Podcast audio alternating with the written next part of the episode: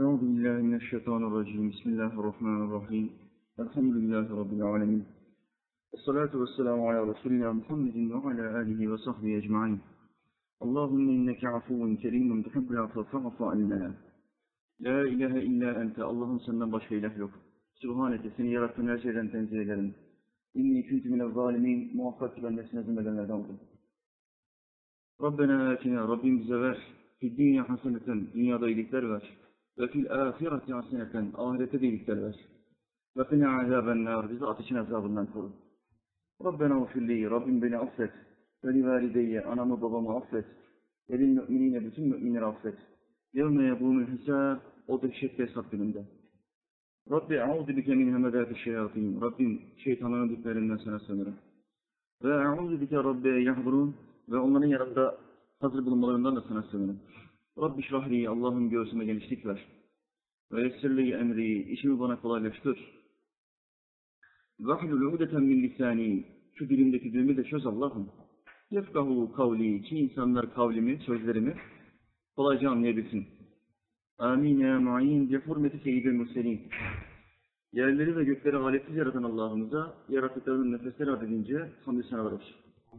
O Allah ki Adem'in Allah'ı, Şiit'in, İdris'in, Nuh'un Allah'ı, Hud'un ve Salih'in Allah'ı, İbrahim'in, Lut'un, İsmail'in Allah'ı, İshak'ın, Yakub'un ve Yusuf'un Allah'ı, Eyyub'un Allah'ı, Şuayb'ın, Musa'nın ve Harun'un Allah'ı, Davud'un, Süleyman'ın, İlyas'ın ve Elyasa'nın Allah'ı, Yunus'un, Zekeriya'nın, Yahya'nın ve İsa'nın Allah'ı.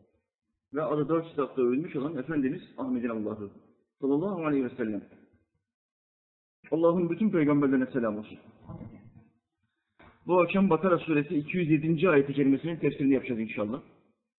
Allah'ımız insanlardan çok azına nasip olan bir durumu ortaya koyan bazı kullarından bahsediyor.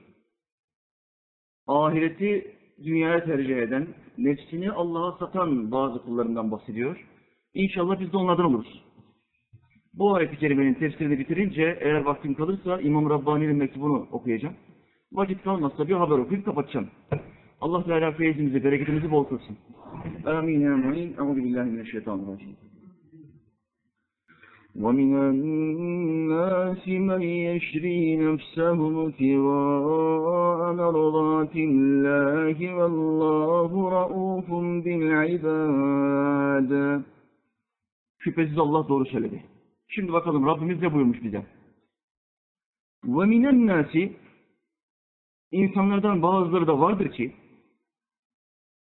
men yeşri nefsehu nefislerini satarlar nefislerini, ne demek nefis kardeşler? Allahü Teala biz insanları yarattığı zaman görünmeyen bazı cevherler verdi. Bu cevherlerden bir tanesine akıl. Akıl dediğimiz şey beyin değildir. O o löp olan şey et parçası hayvanlarda da var. Akıl beynin içindeki bir bir nur. Allah bizim içimize beyinle beraber, o zihinle, o et parçasıyla beraber bir nur verdi. Tam burada. Akıl. Başka ne verdi? Ruh verdi bütün bedeni harekete geçiren bir elektrik, bir enerji. Hiç kimsenin gerekli açıklamayı yapamadığı ruhun bilgisi Allah indindedir. Denilen, ayette böyle bahsedilen bir mekanizma. Ruh verdi. Bir şey daha verdi. Gönül. Gönül. Bir vicdan mahkemesi. İnsanlar bir şeyi yapmadan önce harekete geçen bir mekanizma. Tam burada. Gönül. O iş yasak mıdır, helal midir? haram mıdır, helal midir anlayabilmek adına konu hakkındaki fetvayı bilmese bile haram olan da kalbi harekete geçer bunun. Titremeye başlar. Bu vicdan mahkemesidir. Aklı verdi, ruhu verdi, gönlü verdi, kalbi verdi. Sonra dördüncü mekanizma ne? Dördüncü mekanizma nefsi verdi. Nefs. Bizim en büyük düşmanımız. Hocam en büyük düşmanımız şeytan değil mi? Hayır. Şeytandan bir önce nefs gelir. Çünkü bu iç düşmandır. Şeytan dış düşmandır. Amerika, Fransa, Rusya, İngiltere, Yunanistan. Şeytan budur. Nefs FETÖ'dür. Nefs DAEŞ'tir. Nefs PKK'dır. İç düşman. Bu ondan çok daha tehlikeli. Anladınız mı kardeşler? Şimdi Allah Teala Hazretleri bu ayette birilerini, birilerini övüyor. Birilerinden bahsediyor. İnsanlardan bazıları da vardır ki Men yeşteri nefsehu onlar nefislerini satarlar. İnsan nasıl nefsini satar? Kendini satmak demektir. Canını satmak demektir. Kardeş be, kendimi sana satıyorum. Kaç lira verirsin? Beni kilo olarak kendine alır mısın? Der misin bir adama? Kölelik kalktı. İslam'la beraber kölelik kalktı. Bir adama bunu der misin? Demezsin. Ama Allah burada nefsini satanlardan bahsediyor. Onları net ediyor. Onları övüyor. Neye satanlar? Nefsehu btigâe kazanmak için mervâtillah Allah'ın mervasını, rızasını kazanmak için. Sırf Allah'ın rızasını kazanmak için o nefislerini satanlar var ya. Kardeşler, ne demek nefsi satmak? Allahü Teala sana diyor ki nikahın düşen bir kadınla aynı yerde kalmayacaksın, davetine icabet etmeyeceksin, birebir teke tek görüşmeler yapmayacaksın. Sen de sosyal medyadan, kullandığın sosyal medyadan bir mesaj aldın ve seni takip eden bir bayan sana zina teklifi yaptı. Hafta sonu evde boşum, gelir misin davetime? Dedi. Bu teklifi aldın. Bak kimse bilmiyor. Teke teksiniz. Sana bu zina davetini yaptı. Şimdi senin önünde bir seçme şansın var. Ya haram olanı tercih edeceksin ya da nefsini Allah'a satacaksın. O işi yapmandan dolayı başına şimşek geçmeyecek olmasına rağmen, hesabı ahirette verecek olmana rağmen, kimse seni görmeyecek olması- olmasına rağmen, sadece Allah'tan korktuğun için nefsini Allah'a satacaksın. Ve o, o işi yapmayacaksın. Kardeşler, nefsini Allah'a satmak demek, Allah'ın yasak kıldığı bütün fiilleri sırf Allah'ın rızasını kazanmak için reddetmek demektir. Bakın bu çok azına nasip oluyor. Dünyaya bakın 8 milyar insan var, 1,5 milyar Müslüman. Müslümanlar içinde bile nefsini Allah'a satanların sayısı çok az. Çok az. Bir tercih geliyor. Yol çaprazında kalıyor, yol keşidinde kalıyor. Ya sağ yolu tercih edecek ya sol yolu. Müslüman ufak bir zorluğu gördüğü anda şeytanın kucağına oturuveriyor. Hacı amcalar, o hacı amcalar. Bankaya gidiyor. İşinde sıkışıklığa girmiş. Sabretmemiş, işi Allah'a götürmemiş, konu komşudan borç istememiş, bütün şartları zorlamamış, ilk ilk haram meseleye gidiyor. Ve kapı açımı atıyor, faiz sistemlerine, Allah ve Resulüne savaş açan faiz sistemine atıyor. Hemen bankaya koşuyor. Bankadaki memura gidiyor, diyor ki bana 50 bin TL, 100 bin TL para lazım. Kredi çekeceğim. Faiz miktarı ne kadar? Şu kadar. Hacı amca diyor. Oradaki memur, banka memuru faiz sistemini hesaplarken, o belgeyi doldururken hacı amca karşısında şöyle diyor çay içen memura. Sol eliyle çay içen memura. Memur kardeş, sol elle çay içmek mekruhtur. Sağ elle iç. Ne kadar takvalı değil mi hacı amca? Bankaya gitmiş faiz iş- işlemi yapıyor. Ama memura fetva vermekten geri durmuyor hacı amca. Fetva vereyim bari buradan kurtarayım. Faize bulaştık, berbat olduk. Verdiğim ufak bir çay fetvası beni faizden kurtarır mentalitesinde. Şeytan bir adamı ateşe götürmek istediği zaman önce yanlış yola sevk eder. İki, yanlış yolun doğru yol olduğunu söylettirir. Hacı amcaya gidin bin deriden su getirir. Faizin helal olduğunu, şu zamanda faizin helal olduğunu söylemek için bin deriden su getirir o hacı amca. Hacı amca memura diyor ki, memur kardeş, bak genç kardeşim, yakışıklı güzel bir insansın. Müslüman olduğunu biliyorum. Çayı sol elle içme. Kalbine kir gider. Ve bu mekruhtur dinimizde. Muhammed Aleyhisselam kimi görse sol elle içer, ikaz ederdi. Genç delikanlı da şöyle der. Hacı amca, sağ elimle senin faizli kredinin hesaplamasını yapıyorum. O yüzden sol elle içiyorum. Bana anlayış göster, der. Hacı amca da bozuntuya vermez.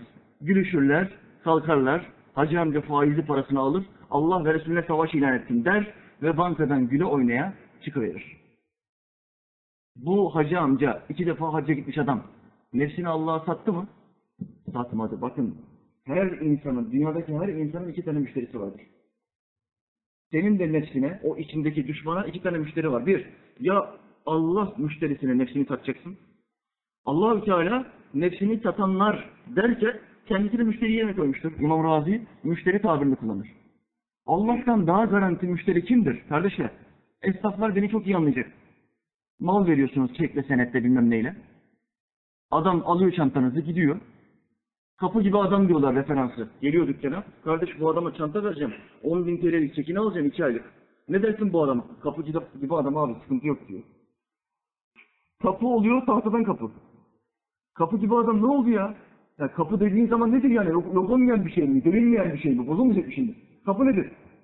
Kapı gibi adam diyor, iki hafta sonra kapıya geliyorlar kapı gibi adam için. Abi sesin dönmüş diyor. Ya nasıl olur kapı gibi adam diyor. Ben bilmem abi diyor. Kapıma elektrikçiler geldi diyor.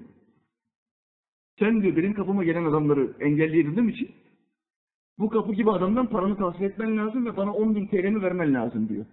Müşteri bak bu da müşteri. Beş vakit namaz kılıyor, çeki imzalarken ya Allah Bismillah yapıyor böyle. Riyada, riyada ülkemizdeki Müslümanlar riyada artık zirve yapmış. Kim çeki imzalarken dur bir namazı kılayım ondan sonra imzalayayım falan diyorsa kork. Tehlike var. Riyayı ortaya koymuş demektir. Kim çeki imzalarken tu Bismillah niye kardeşim? Sen niye bunu sesli bir şekilde yapıyorsun ki? Sen bana bir şey ispat etmek zorunda değilsin.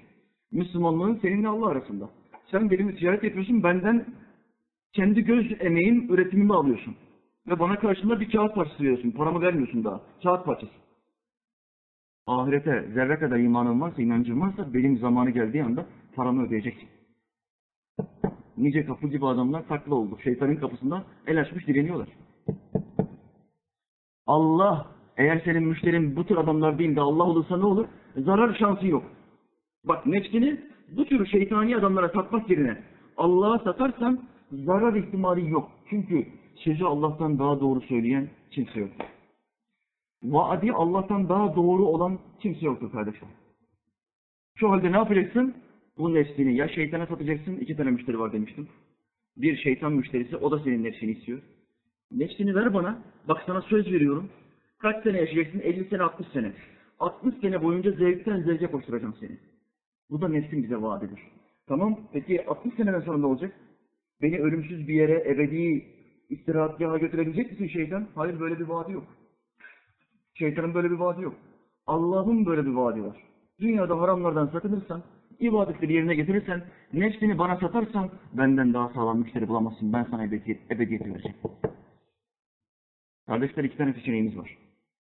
Ya Allah'a satacağız, ya nefse, şeytana. Ya Allah'ı müşteri edeceğiz kendimize, ya şeytanı müşteri edeceğiz kendimize. Allah, muhakkak ki Allah, müminlerden cennet karşılığında canlarını ve mallarını satın almıştır. Ayettir. Satın almıştır. Kardeşler, satan var mı aranızda? Satan var mı? Yok. Yok hocam. 60'a gelince namaza başlarız. 50'den sonra hacca gideceğim, 60'da namaza başlayacağım. Satmadın Allah'a, şeytana sattın kendini. Aklı başında bir adam olsan, böyle bir ahmakça ticaret yapmazsın. Bismillahirrahmanirrahim.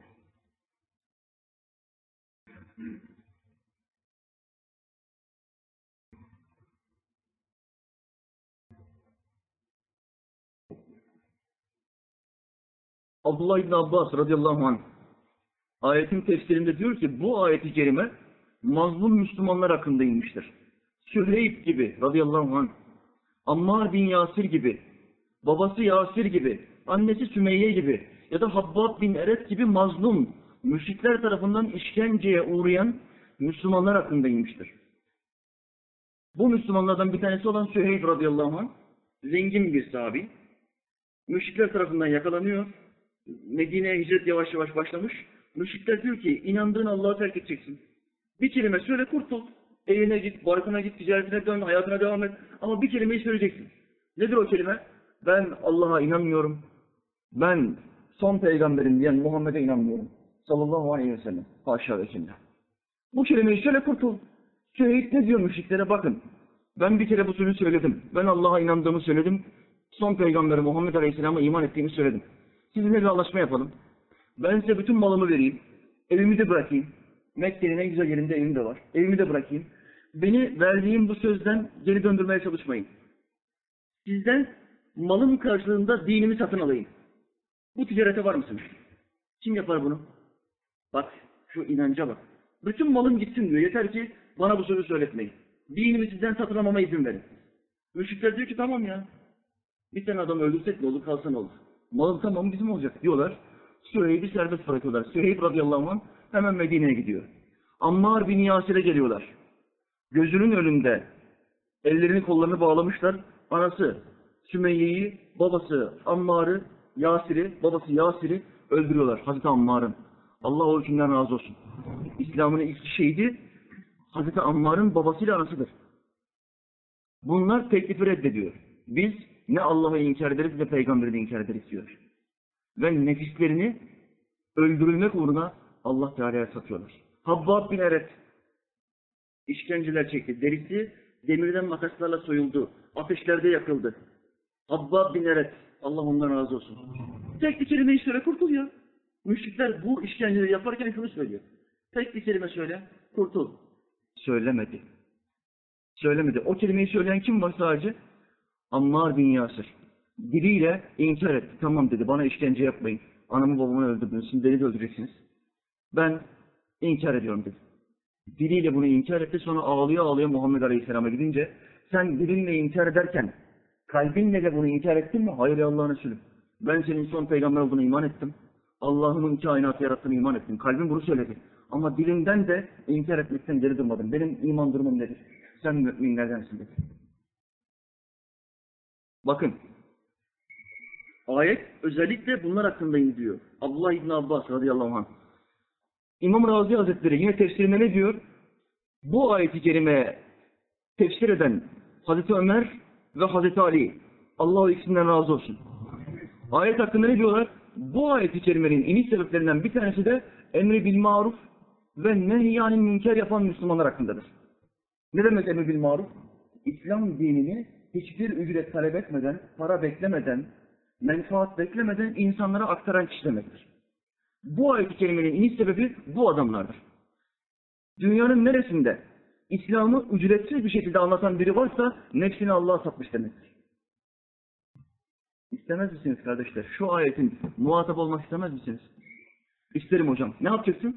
Buradan öğrendiğin bilgileri aynen sana öğreten bu adam gibi hiçbir şey talep etmeden etrafındaki insanlara 3-5-3-5 anlatacaksın. Ne kadar? Bildiğin kadar. Bilmediğine diyeceksin ki ben bunu bilmiyorum. Araştıracağım, hocama soracağım, kitaplara bakacağım. Ama bunu biliyorum. Bunun doğrusu budur. Sen emri bil marufçu, ne yani münkercisin.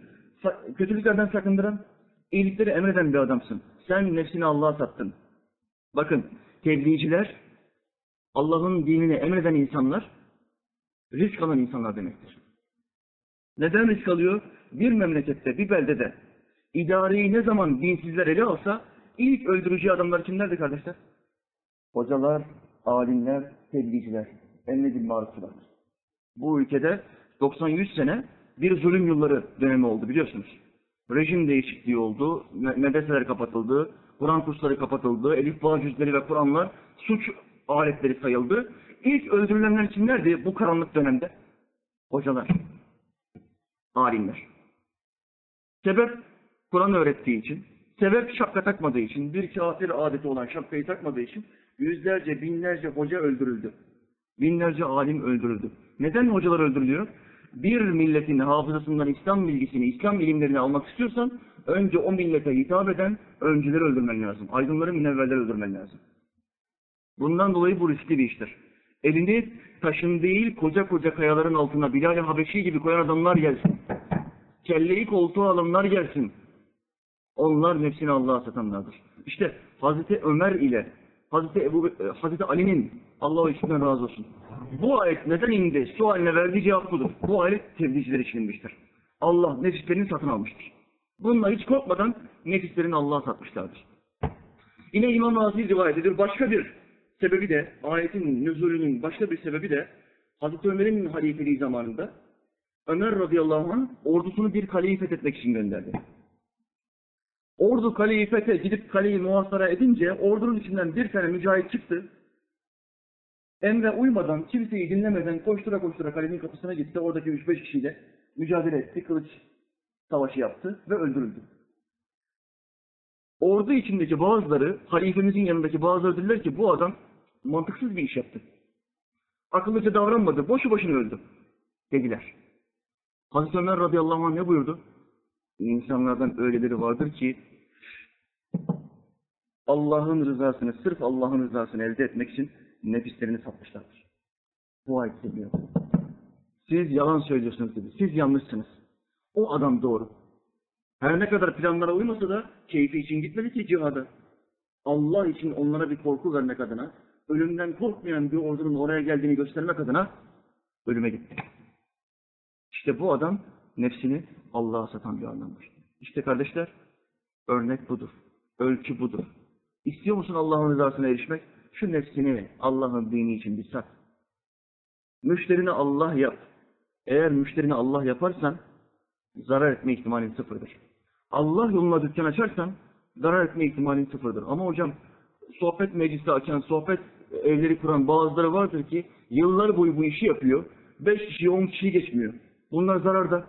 Asla. Asla. Sayı önemli değildir kardeşler. Sohbet evi kurdu mu bir yerde?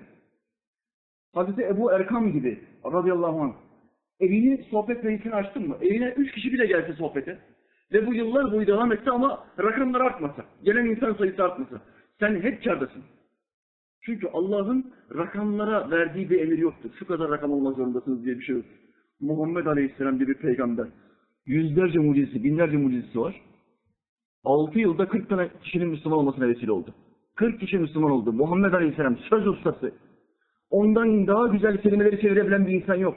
40 kişinin Müslüman olmasına vesile olabildi. Bu bizim için büyük bir ibrettir. Sevgili kardeşim, cihatçı kardeşim, bu bizim için büyük bir ibrettir.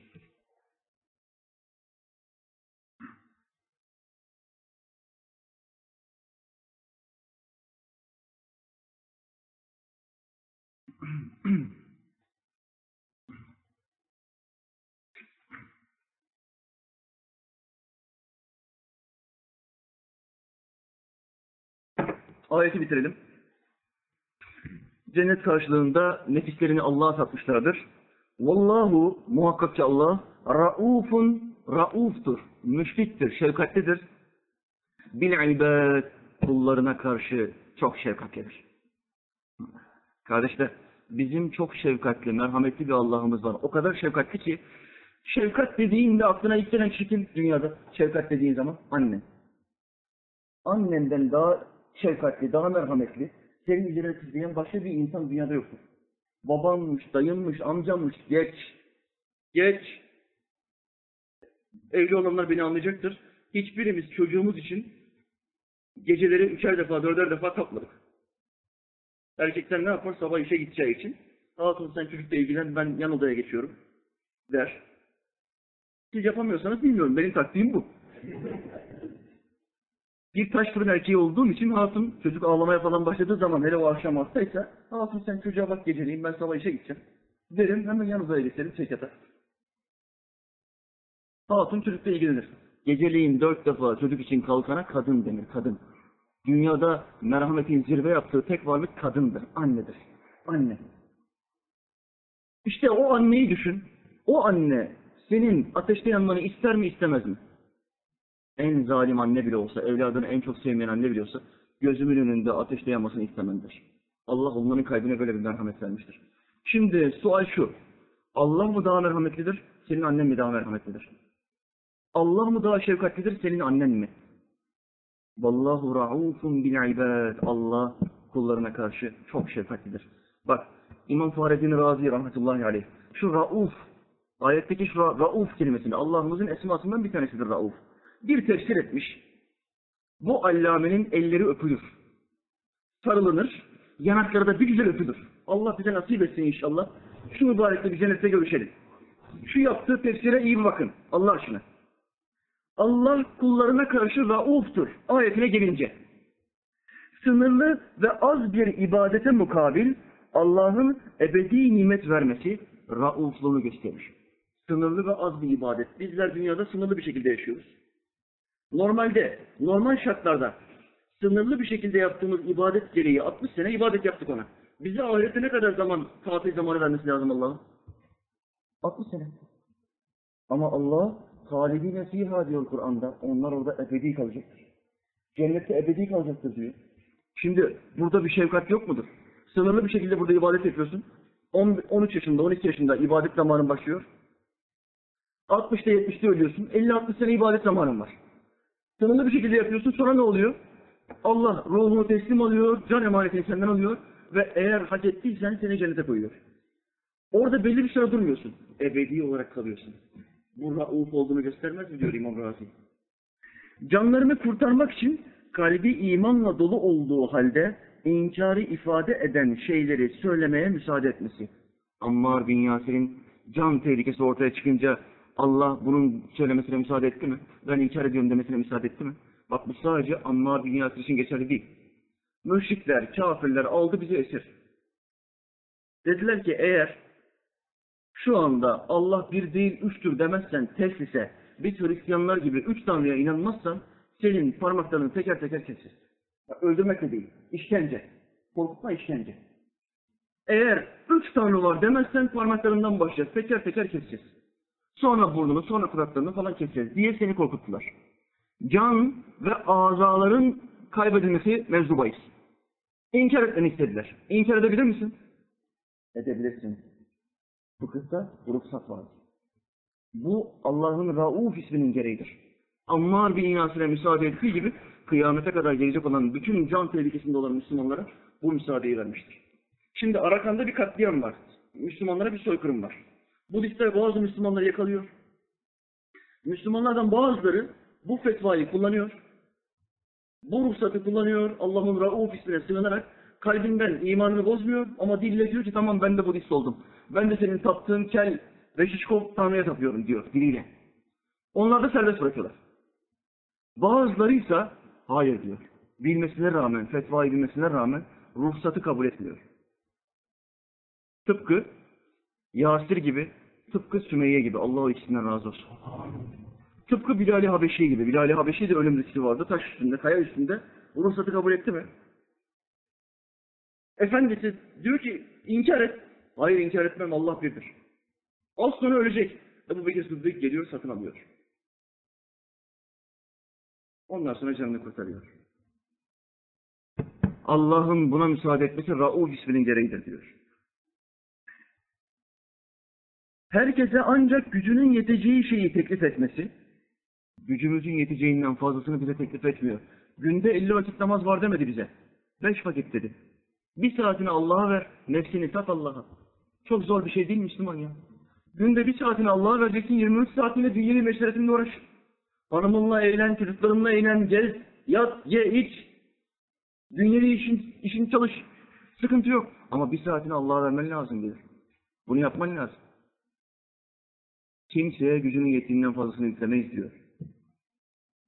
Yine küfür üzerine yüz sene kalmış olsa bile bir an bile tövbe eden kimsenin bütün cezasını düşürüp ona ebedi bir sevap vermesi. Rauf, Rauf, bakın Rauf'a. Rauf olan Allah'ınıza bakın. Adam hayatı boyunca içki içmiş, yaş yetmiş. Son altı ayında yatağa düşmüş, bir tövbe ediyor, bir nasıl tövbesi yapıyor. Ya Rabbi, beni kaldırırsan, beni tekrar ayağa kaldırırsan, sana söz veriyorum bir daha bu içkiyi içmeyeceğim. Nasıl tövbesi yapıyorum diyor. Namaz kılmamış. Hep içki içmiş.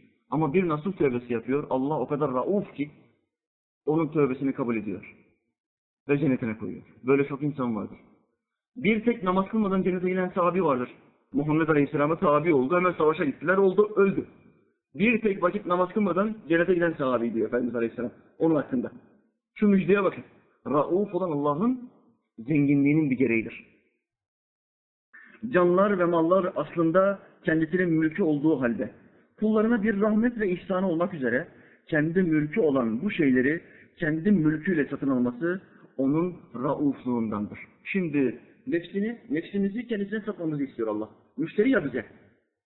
Tamam da nefis Allah'ın değil mi? Allah'ın. Şu bedenimiz Allah'ın değil mi? Allah'ın. Bize vaat etmeyi, vermeyi vaat ettiği cennet, ebedi nimetler Allah'ın değil mi? Allah'ın. Niye neyden satın alıyor? Şu Allah'a kulluk yapmak lazım kardeşler. Bizim sahibi olduğumuz şey ne ki bizden satın alıyor? Nefis de onun, akıl da onun, beden de onun, cennet de onun. Bizden tek bir şey istiyor, bir hamle.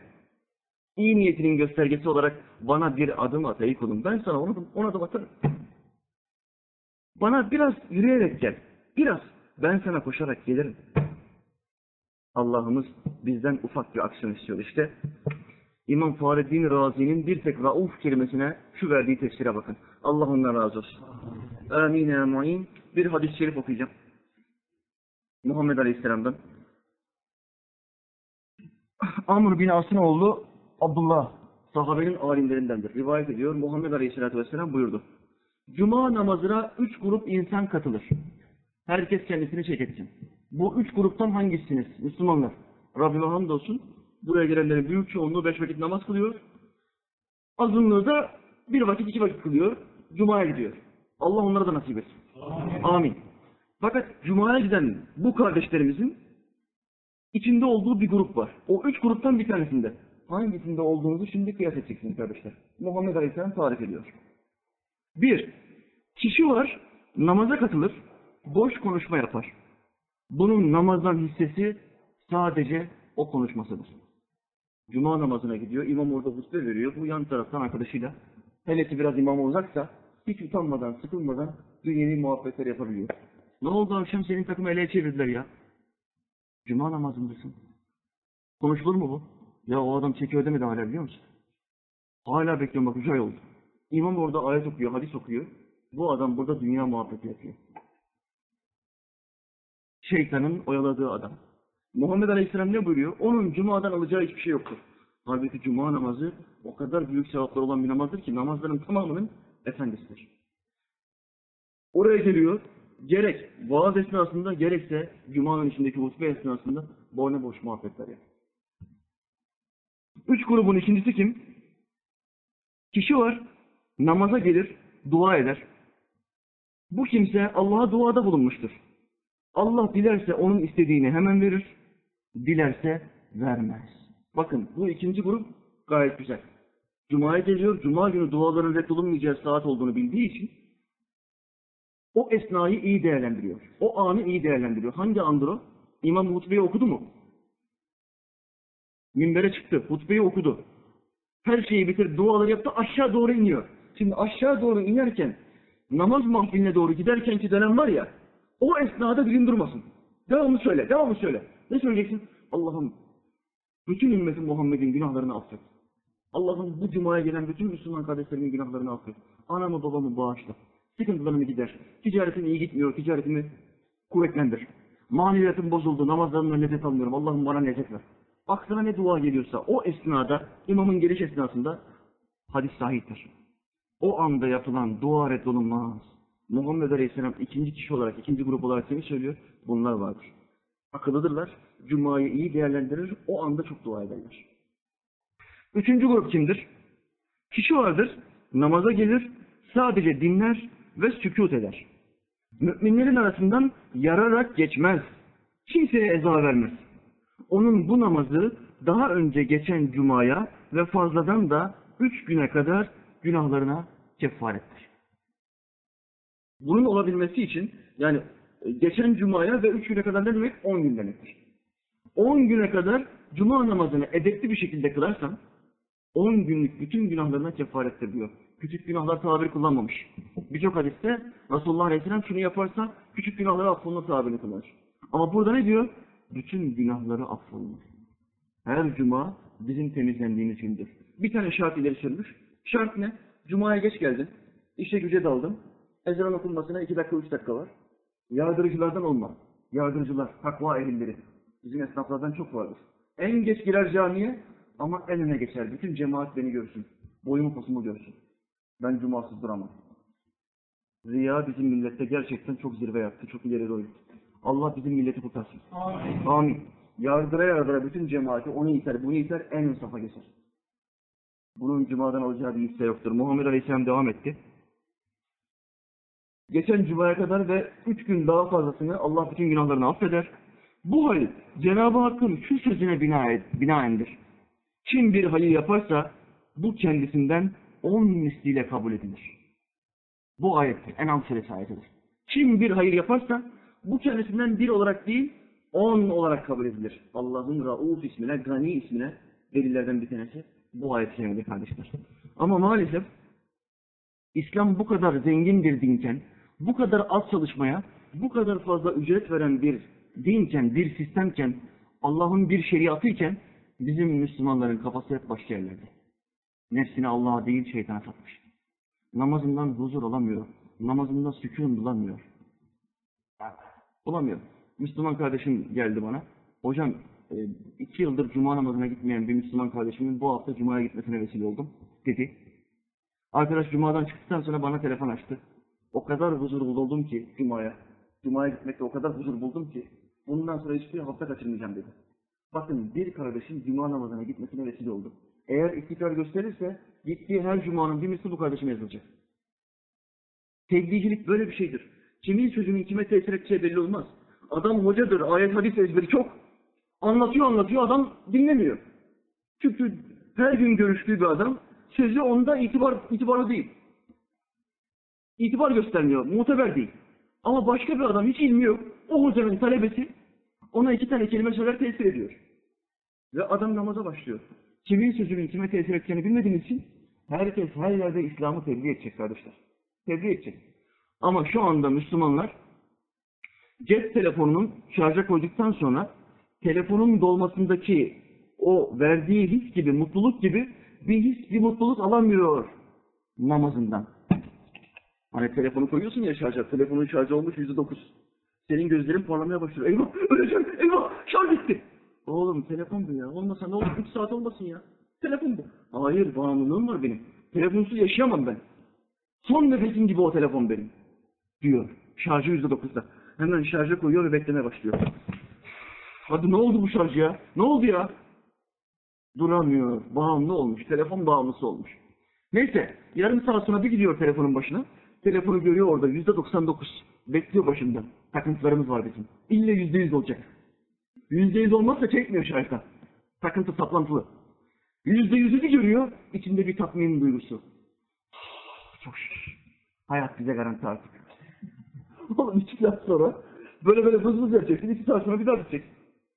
Bir daha bitecek bu. Niye boş rüzgar yapıyorsun? Namazından o telefonun şarjını dolmuş halde gördüğü lezzet gibi, aldığı haz gibi haz alamayan Müslümanlar. Haz alamayan Müslümanlar. Ve kalkmış bu cahil Müslümanlar, kalkmışlar tarikatları ve cemaatleri eleştiriyorlar. Tarikatların hepsini kapatın, cemaatleri bitirin, yok edin bunları. Örnek olarak da kimi veriyorlar? Amerika'nın cemaatini veriyorlar. FETÖ kimin cemaati kardeşler? Amerika'nın cemaati. FETÖ'nün başındaki o adam kimin hocası? Amerika'nın hocası. Şimdi Amerika'da yaşayan 4-5 tane diğer hocaları gibi. Amerika'nın hocasından din öğrenirsen kalkarsın bütün cemaatlere düşman olursun. Burada ben iki ya da üç hafta önce bir anket okumuştum size. Ankette ne diyordu kardeşler?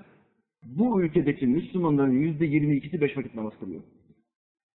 Kaçta kaçıydı? Yüzde yirmi ikisi. Dörtte bir bile değil. Beş vakit namaz kılan yüzde yirmi iki. Başımıza taş yağmadığına şükredin. Bu ülkedeki Müslümanların kaçta kaçı tarikata mensup? Yüzde on yedi. Yüzde yirmi iki beş vakit namaz kılıyor. Yüzde on yedisi tarikata mensup. Tarikata cemaate gidiyor. Bu ne anlama geliyor? Tarikatlar, cemaatler olmasa namaz kılan yüzde beş.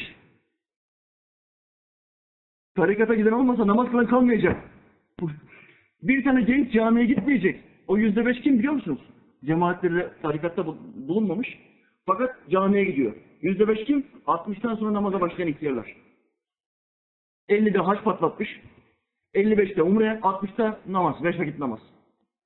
Camiye gidiyor bastonuyla seke seke. 25 dakikada kaplumbağa misali gidiyor. 25 dakikada evde duruyor. Yarım saati, bir saati sırf namaza gitme gelmeyle alıyor. Allah'a şükürler olsun. Bak Allah nasip etmiş. Gitmek de bir şey. O yaşta bile olsa gitmek bir şey. Ama gençleri götüremiyor. Bir tane genci götüremiyor. Torununu namaza götüremiyor. Neden götüremiyor? Dede sen 60 yaşında başladın. Dedeciğim sen sen zaman dilimini çok kötü kullandın. 60 yaşında başlayan sen şimdi 18 yaşında olan torununu namaza başlatmak mı istiyorsun? Zamanın kıymetini çok iyi bilmek lazım kardeşler. Zamanı har vurup harman savulursan 50'ye 60'a geldiği zaman kafanı taşlara duvarlara vurursun. En büyük para, en büyük servet zamandır. Adamın birinin çocuğu vardı. Babasına dedi ki, baba sen her gün bana 5 TL veriyorsun harçlık. Artık yeter. Şu bana verdiğin okul harçlığını 5'ten 10 TL'ye çıkartır mısın? Benim oğlumla yeğenim de burada şu anda. Onlar da iyi dinlesinler. Benden harçlık istersen bu hikaye akıllarına gelsin. Babacım 5 TL olmuyor artık. Yani arkadaşlara havacıva yapmam lazım. Bana bundan sonra vereceğin harçlığı 10 TL'ye çıkart. Evladım Harçlığını 10 TL'ye çıkartacaksın da sen tufeyle bir çocuksun. Çocukluk yapıyorsun, parayı har vurup parmağını savuruyorsun. Sen bir kere sabahleyin sana verdiğim 5 TL'yi 10 TL'ye çıkart. O 5 TL'lik sermayeyi bir kere 10 TL'ye çıkart. Bana 5 TL kazanç getir. Ben sana söz ondan sonraki her gün 10 TL vereceğim. Çocuğun gözleri parlıyor. Bir kazanç yapacağım ufak bir şey. Bundan sonra her gün 10 TL alacağım. İki misli kazanç var. İstediğim şeyleri alabilirim. Nasıl yapabilirim, ne yapabilirim, nereye girebilirim, nerede çalışabilirim? Çocuk gidiyor tren istasyonuna. Trenden inen yaşların yanına gidiyor. Diyor ki bavulunuzu verin taşıyın evinize kadar. O vermiyor, bu vermiyor. Gücü olmayanlar, hasta olanlar, rahatsız olanlar al evladım diyor. 50 kuruş ondan, 50 kuruş ondan. Çocuk 5 TL'yi tamamlıyor. Gidiyor bakkala, o bozukları veriyor, 5 TL kağıt para alıyor. Cillop gibi para. Babasına geliyor, baba bana verdiğin 5 TL'lik sermayeyi 10 TL'ye çıkarttım diyor. Sözünde tut. Sözünü tut. Aferin oğlum be diyor. Senden bunu beklemezdim helal olsun diyor. Alıyor çocuğun 5 TL'sini sobaya atıyor. Çocuk fıttırıyor. Baba ne yapıyorsun? Ben o parayı kazanıncaya kadar kaç tane adamın doğum başını biliyor musun? Canım çıktı ya. Sabahtan akşama kadar canım çıktı baba diyor. Sen benim ne çektiğimi biliyor musun diyor. Evladım sen bir kere kazandın. Bir kere kazandın. Bana burada posta koyuyorsun ya. Senin o bir kere kazandığın parayı ben her gün kazanıyorum. O çileyi ben her gün çekiyorum. Ve sen benim paramı har vurup parmağını savuruyorsun. Aynı şey değil mi evladım deyince çocuğun o köşeli jeton tık tık tık düşmek için zorlarken düşmüyor düşmüyor köşeli jeton en sonunda tık diye düşüyor. Anladım baba diyor. Bundan sonra diyor 10 TL istemiyorum. Bana bundan sonra 5 TL vermeye devam et diyor. Oğlum anladın mı?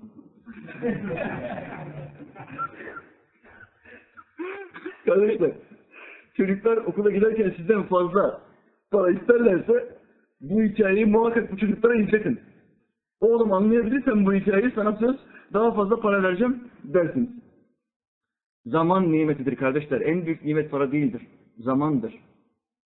Bu genç şu anda zamanın kıymetini bilmiyor. Har vurup parmağı savuruyor.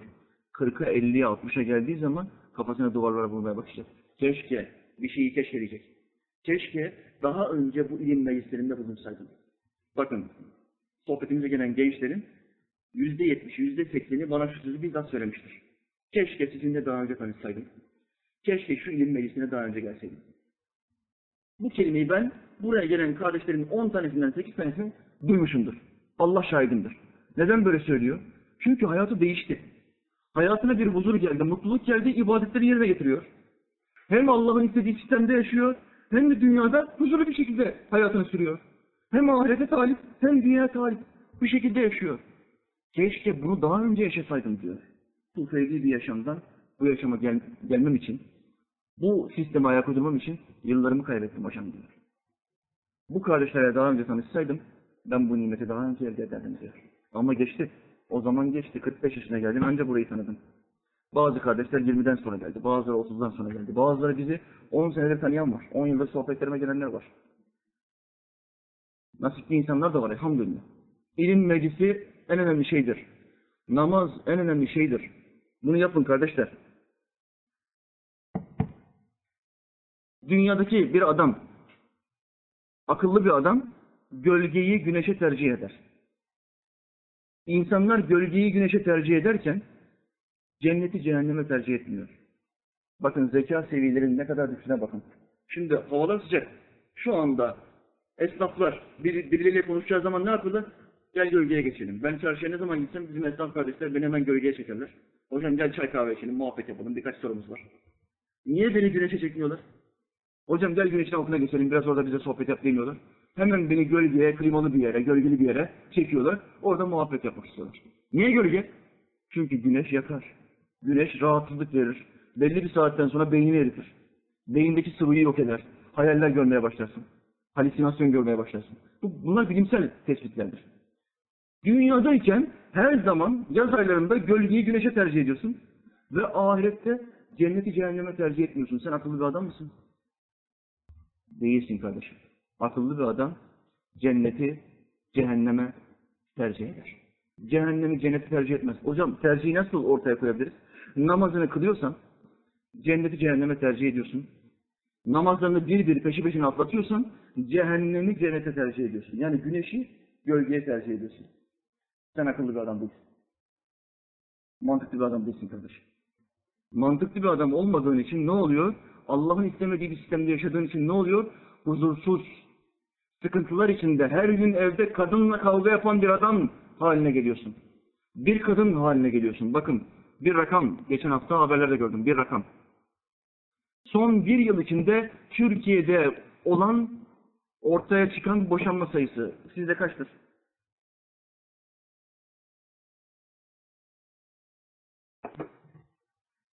Bir yıl içinde, son bir yıl içinde Türkiye'de 212 bin boşanma gerçekleşti. Geçtiğimiz sene.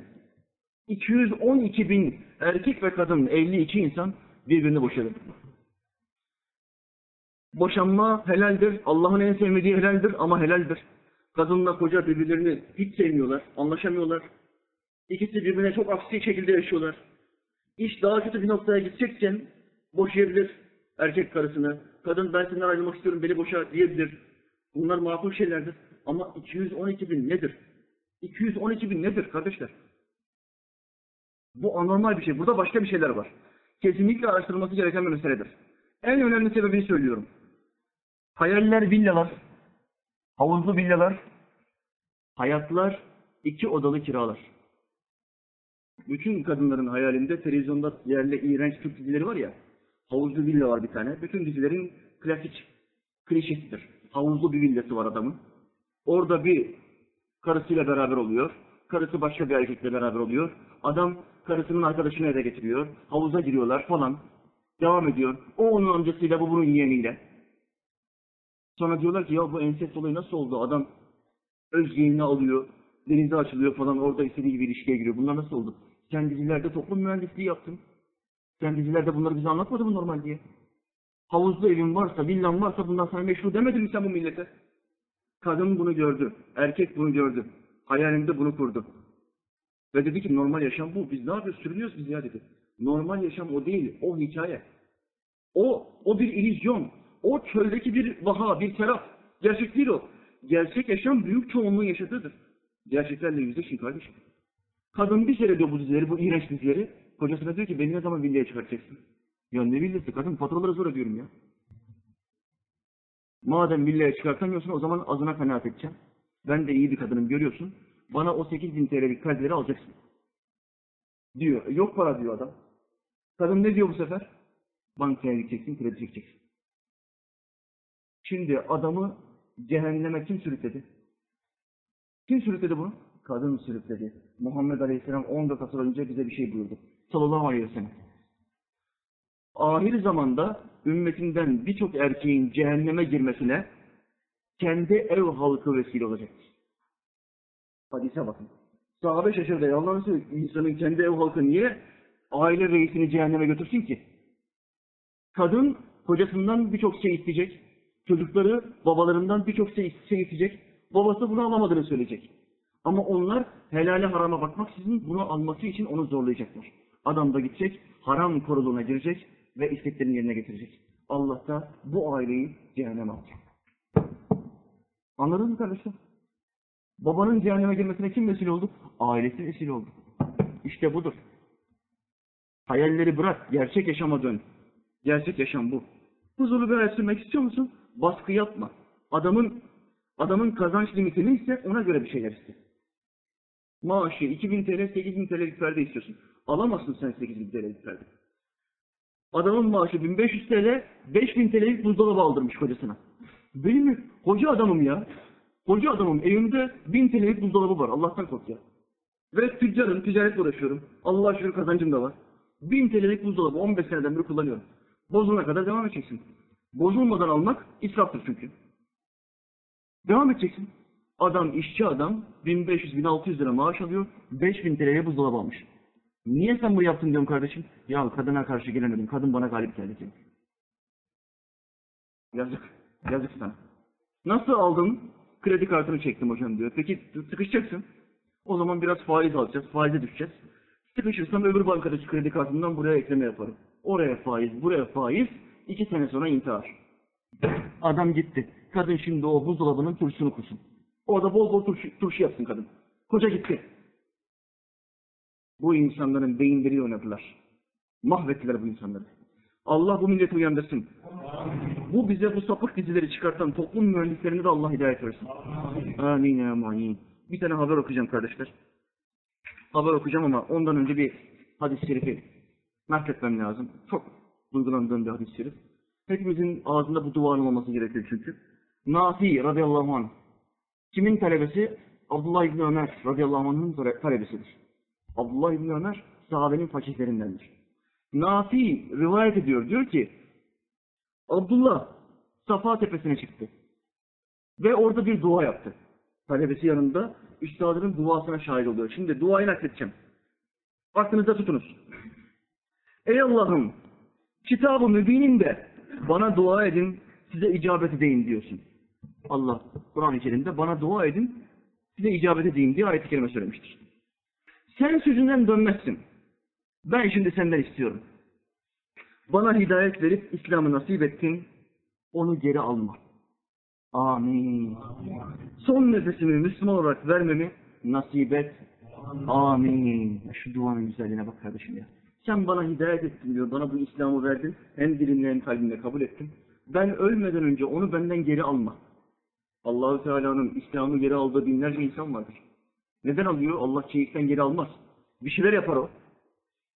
Buğz ettiği, sevmediği bir şeyler yapar. Allah kalbinden İslam'ı çekip alır ve onu mühürler. Bir bakarsın düne kadar hafız olan adam, bugün ben ateistim diyor. Ben ateistim diyor. İslam'ı kalbinden çekip almış işte. Allah bizi nasip, nasiplerden yapmasın kardeşim. Amin. Haberi okumam lazım, hem kapatacağım.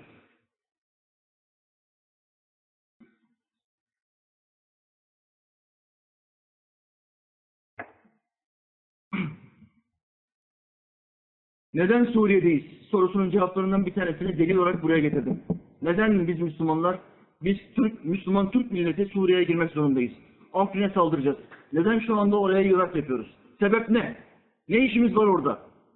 Kamayız kafasıyla bakanlar. Okuyorum. Ne işimiz var orada anlayın. Afrin'de 64 camiyi kapatan PKK İslami değerlerle alay ediyor. 64 tane camiyi kapatmış Afrin'de. Kardeşler, uyuyorsunuz. Uyuyorsunuz. Sizin Müslümanlarınızın yaptığı, kendi elleriyle yaptığı camileri adamlar gidiyor oraya kapatıyor. Terör örgütü PKK-PYD Afrin'de 64 camiyi kapattı. İbadete kapatılan camilerin 24'ü ilçe merkezinde, 40'ı köylerde bulunuyor. PKK çocuklara yönelik yaz Kur'an kurslarını da yasakladı. Orada adam diyor ki ben burada devletim. Tıpkı bundan 2-3 sene önce Güneydoğu'da yaptıkları gibi yol kesiyorlar. 3-4 tane terörist. Burada devlet bizi izliyorlar. O barış süreci zamanlarını hatırlayın. Yol kesiyorlar. Türkiye'nin her tarafında yol uygulaması yapanlar kimlerdir? Polistir, jandarmadır. Ama Güneydoğu'da kim yapıyordu yol uygulamasını? PKK yapıyordu. Burada devlet bizi izliyordu. Tuzakları başlarına döndü. O olay bitti, savaşa girdik. Şimdi hiçbir yere çıkamıyorlar. Teker teker alıyoruz. İHA'larla değil, SİHA'larla avlıyoruz. Kendi ürettiğimiz SİHA'larla, silahlı, insansız hava araçlarıyla. Şimdi neyi yasaklıyor orada? Camileri kapatıyor, Kur'an kurslarını da yasaklıyor. PKK'lı teröristler ibadete kapattıkları camide İslami değerlerle alay eden fotoğraf ve videolar çekiyorlar. Bu videoların ve fotoğrafların birkaçını da ben gördüm sosyal medyada. Namazda alay ediyorlar. Botlarla camiye girmiş, elinde içki var. Allahu Ekber diyor şerefsiz köpek. Elinde içki şişesi. Cami var. Kur'an'ı alıp yere atan mı dersin? Orada sigara içen mi dersin cami içinde? Kapatmış ya silah onda, güç onda. Allah'ın diniyle alay ediyor. Merak etmeyin bekleyin geliyoruz. Az kaldı. Şu anda plan program. Bir gece ansızın gelebiliriz. Bir gece ansızın gelebiliriz. Bekleyin. Cemaat taciz ediliyor. Afrin, merkez ve çevre köylerde cami cemaati PYD militanları tarafından taciz ediliyor. Millet korkudan camiye gidemiyor. Afrin'de yaşayan Mehdi Reşit, Yeni Şafak gazetesine şu bilgileri verdi. PYD'nin sözde asayiş timleri cami cemaatine DAEŞ ve El-Kaide destekçisi muamelesi yapıyor. Şimdi sen camiye cemaate gidiyor musun? Sen DAEŞ'çisin, El-Kaide'lisin, Vehhabi Selefisin. Kardeşim biz ehli sünnetiz. Ne işimiz var teröristlerle, haricilerle? Bizi onlarla niye karıştırıyorsun? Hayır, hepiniz aynısınız. Yaftayı yapıştırıyor, sonra istediği işkenceyi yapabiliyor. Düzenli camiye giden insanlar takip altına alınıp sorgulanıyor. İnsanların cami, namaz ve din gibi kutsal değerleriyle alay ediliyor. İnsanlara komünal bilinç adı altında İslam karşıtı sosyalist fikirler aşılamaya çalışıyorlar. Bu sosyalist fikirler nedir? Karl Marx'ın kitapları, Darwin'in kitapları.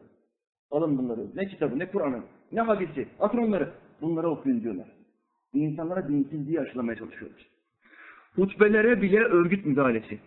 Siz, bizim imam burada hutbe yapsa, PKK'yı övücü, terörist başını övücü birkaç kelime söylese ne yaparız o imamı? Paramparça yapar mıyız? Afrin'de hutbelerde PKK'yı övücü hutbe koyuyor adam sana. Bunu okuyacaksın diyor. İmam da korkuyor canından okumaya başlıyor. Afrin ve çevresinde 18 yıldır imamlık yapan Ebu Ahmet isimli bir başka bölge sakini ise terör örgütü hutbelere müdahale ederek kendi gündemini cemaate anlatmamız için baskı yapıyor. Hatta bazı zamanlar Türkiye ve Suriyeli muhalifler aleyhine bültenler çıkararak bunu imamlara zorla cemaatte okutturuyorlar dedi.